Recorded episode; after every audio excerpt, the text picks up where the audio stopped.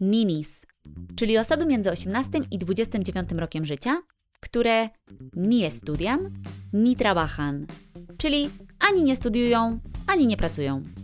Temat dość ciężki i niestety mało pozytywny, ale myślę, że o takich rzeczach również warto tu porozmawiać.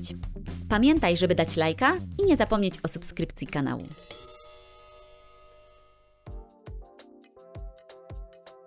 Odkąd pamiętam, moi rodzice bardzo kładli nacisk na moje wykształcenie. Pamiętam, jak moja mama zawsze, kiedy przynosiłam złe stopnie, najpierw mówiła mi: To twoje życie, uczysz się dla siebie, najwyżej nie będziesz miała dobrze płatnej pracy.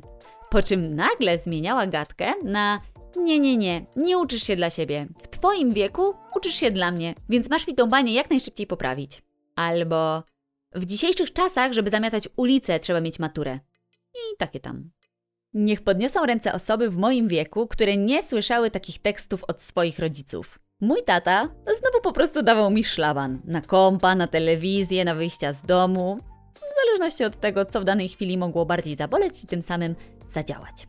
Czy miałam do nich o to pretensje? Oczywiście, że tak. A jakie ja jazdy potrafiłam zrobić, w jaką histerię wpaść, bo mi czegoś tam nie było wolno robić w czasie wolnym. Kończąc liceum, wiecie, tuż po zdaniu matury, totalnie, totalnie nie chciało mi się iść na studia. Ale o pracy też nie myślałam. Chciałam sobie siedzieć w domu, nie robiąc absolutnie nic. Bardzo ambitnie, co? Dodam tylko, że nie chodziło mi o taki roczny odpoczynek, wiecie, jak czasami zdrowo jest wziąć między maturą a studiami. Nie. Ja po prostu nie chciałam ani iść na studia, ani do pracy. I wtedy usłyszałam takie coś. Skoro nie chcesz iść na studia, to szukasz sobie pracy i dokładasz się do życia. A jak sobie niczego sama nie znajdziesz, to ja ci znajdę robotę, ale nie wiem, czy będziesz z niej zadowolona. Moi rodzice, żeby dać mi zdrową nauczkę, zawsze dotrzymywali słowa. A ja nie miałam ochoty tyrać dwa razy bardziej niż musiałam, więc bardzo szybko ogarnęłam się z tematem studiów. Pamiętam, że poszłam wtedy na kierunek taniec, z którego mój tata był przeogromnie niezadowolony, ale cóż mógł poradzić. Nie powiedział na co mam iść, tylko że mam iść na studia. Jeszcze w międzyczasie dałam się wrobić, bo oczywiście w wakacje miałam odpoczywać, a pracowałam w hotelu, więc bardzo szybko pożegnałam się z tak zwanymi najdłuższymi wakajkami życia. Adios. Ada, ale po co nam opowiadasz o swoim życiu, skoro miałaś opowiadać o problemie związanym z ninis? Otóż mówię Wam o tym dlatego, że być może problem ten nie bierze się tylko z winy, i weźmy sobie ten wyraz w cudzysłów, młodych osób, ale również ich rodziców. No dobra, ale od początku. Hiszpanii bardzo duży odsetek młodych ludzi jest bezrobotny. Co więcej, ci sami ludzie również nie chcą się w żaden sposób edukować. Był już taki moment, w którym procent tych osób spadł i ludzie faktycznie szli na przykład do pracy, ale teraz znowu zaczął rosnąć. Jest to duży problem, oczywiście dla kraju i jego gospodarki. I ja rozumiem, nikt nie chce pracować za psie pieniądze, ale no, od czegoś trzeba niestety zacząć. Ja kiedy szłam do mojej pierwszej pracy, takiej pierwszej prawdziwej pracy, to nie zarabiałam najgorzej, bo miałam to 1000 euro, ale na kontrakcie miałam napisane, że będę pracować 5 dni w tygodniu po 8 godzin. Suma summarum wyszło, że pracowałam 6 dni w tygodniu i jak kończyliśmy po 9 godzinach, to byłam w niebo wzięta, bo czasami pracowałam po 10, 11 i nie dostawałam ani centa więcej. I jeszcze rypali mnie na każdym kroku za każdy niewytarty stolik. Pracowałam w hotelu na jadalni.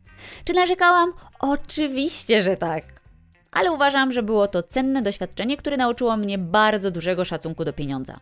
W tej mojej pierwszej robocie pracowałam tak naprawdę tylko 4 miesiące, ale jeśli ktoś idzie do pracy na dłużej i na przykład na samym początku zarabia grosze, to przecież po jakimś czasie może poprosić o podwyżkę, no bo ma już jakieś doświadczenie.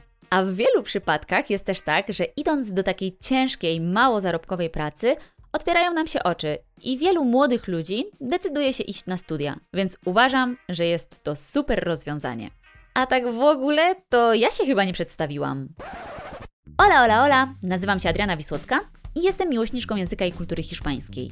Jeżeli Ciebie również kręci ten kraj i wszystko, co z nim związane, to koniecznie wpadaj na moją stronę internetową www.instahiszpański.com oraz na mojego Insta, nazwa ta sama, Insta Hiszpański, po codzienną dawkę hiszpańskiej wiedzy.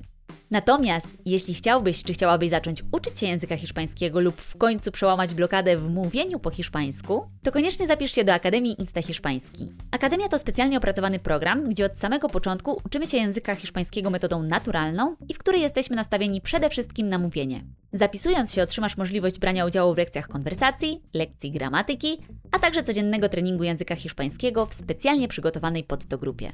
Koszt Akademii to jedyne 150 zł miesięcznie. Więcej info w opisie pod tym odcinkiem lub na kontakt małpa instahiszpański.com. Mówiłam, że był taki moment, że pomału procent Ninis zaczął maleć. Ale później przyszła pandemia i znowu wszystko stało się trudniejsze. Nie było tyle miejsc pracy, uczelnie najpierw zostały zamknięte, a następnie wprowadzono naukę zdalną, która była dramatem, bo no sorry, ale jeśli staremu nauczycielowi narzucono z góry pracę online, o której on nie ma zielonego pojęcia, to nie trzeba mieć nie wiadomo jakiej wyobraźni, żeby wyobrazić sobie, jak te zajęcia wyglądały. W Hiszpanii istnieje jeszcze inny problem.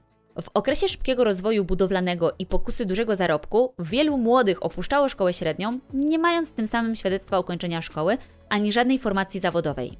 Kiedy wybuchł kryzys, który w szczególności dotknął właśnie budownictwo, sytuacja tych ludzi drastycznie się pogorszyła, a brak perspektyw spowodował duży wzrost bezrobocia. Prawda jest taka, że każdy postęp gospodarczy i społeczny kraju musi angażować młodych ludzi. Powinni oni czuć obowiązek znalezienia pracy, po to chociażby, żeby starsze osoby mogły spokojnie przejść na emeryturę i żeby państwo mogło im te emerytury zapewnić. Również po to, żeby móc wprowadzić nowe technologie, bo przecież wiadomo, że młodszym osobom szybciej i łatwiej jest się czegoś nauczyć i dostosować do nowinek niż osobom starszym. Jak to mój Bartek mówi, starego psa nie nauczysz nowych sztuczek. Jednak rynek pracy w Hiszpanii, i oczywiście nie tylko w Hiszpanii, nie jest jeszcze odpowiednio dostosowany do przyjęcia do pracy młodych ludzi. Inną kwestią są oczywiście ich wymagania em, i co więcej, ceny mieszkań, bądźmy szczerzy, są kosmiczne w stosunku do zarobków i rzadko która młoda osoba będzie mogła sobie pozwolić na samodzielny wynajem. Co gorsza, temat ten nie jest numerem jeden i chociaż dotyczy wielu rodzin, wciąż mówi się o nim zdecydowanie za mało.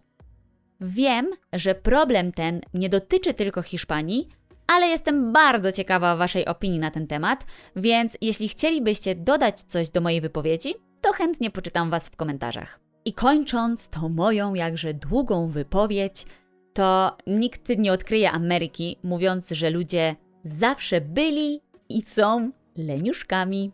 Małe dzieci, jeśli się ich nie zachęci do zabawy edukacyjnej, nie pokaże jej w prosty i zabawny, czyli inaczej mówiąc interesujący sposób, raczej same z siebie nie będą chciały się kształcić. Tak samo jest z dziećmi w podstawówce, dawnym gimnazjum, a nawet i w liceum. System edukacyjny praktycznie na całym świecie, nie ukrywajmy, jest nudny. Zatem niestety, ale to w rękach rodzica jest to, że skoro widzi, że jego dziecko jest tym leniuszkiem, to musi znaleźć na nie sposób. Na mnie czasami działały rozmowy z moimi rodzicami lub bliskimi, czasami trzeba mnie było nastraszyć wizją kiepskiej przyszłości, a czasami dać szlaban. Na każdego znajdzie się jakiś sposób, najważniejsze to chcieć go znaleźć, a nie udawać, że problemu nie ma i wszystko olać. I to by było na tyle. Mam nadzieję, że ten podcast się Wam spodobał i że tematy mniej lajtowe również będę mogła od czasu do czasu tutaj poruszać, bo dzięki nim możemy lepiej zrozumieć mieszkańców Hiszpanii. Słyszałam od moich uczniów, że w Polsce też występuje zjawisko ninis, yy, chyba nie ma żadnej konkretnej nazwy i ja jeszcze się z tym nie spotkałam, więc jeśli Wy tak, to napiszcie mi to w komentarzach. A tak w ogóle, to jeśli chcielibyście posłuchać podcastu na jakiś konkretny temat, to również śmiało piszcie. Życzę Wam cudownego dnia i do usłyszenia wkrótce. Ciao!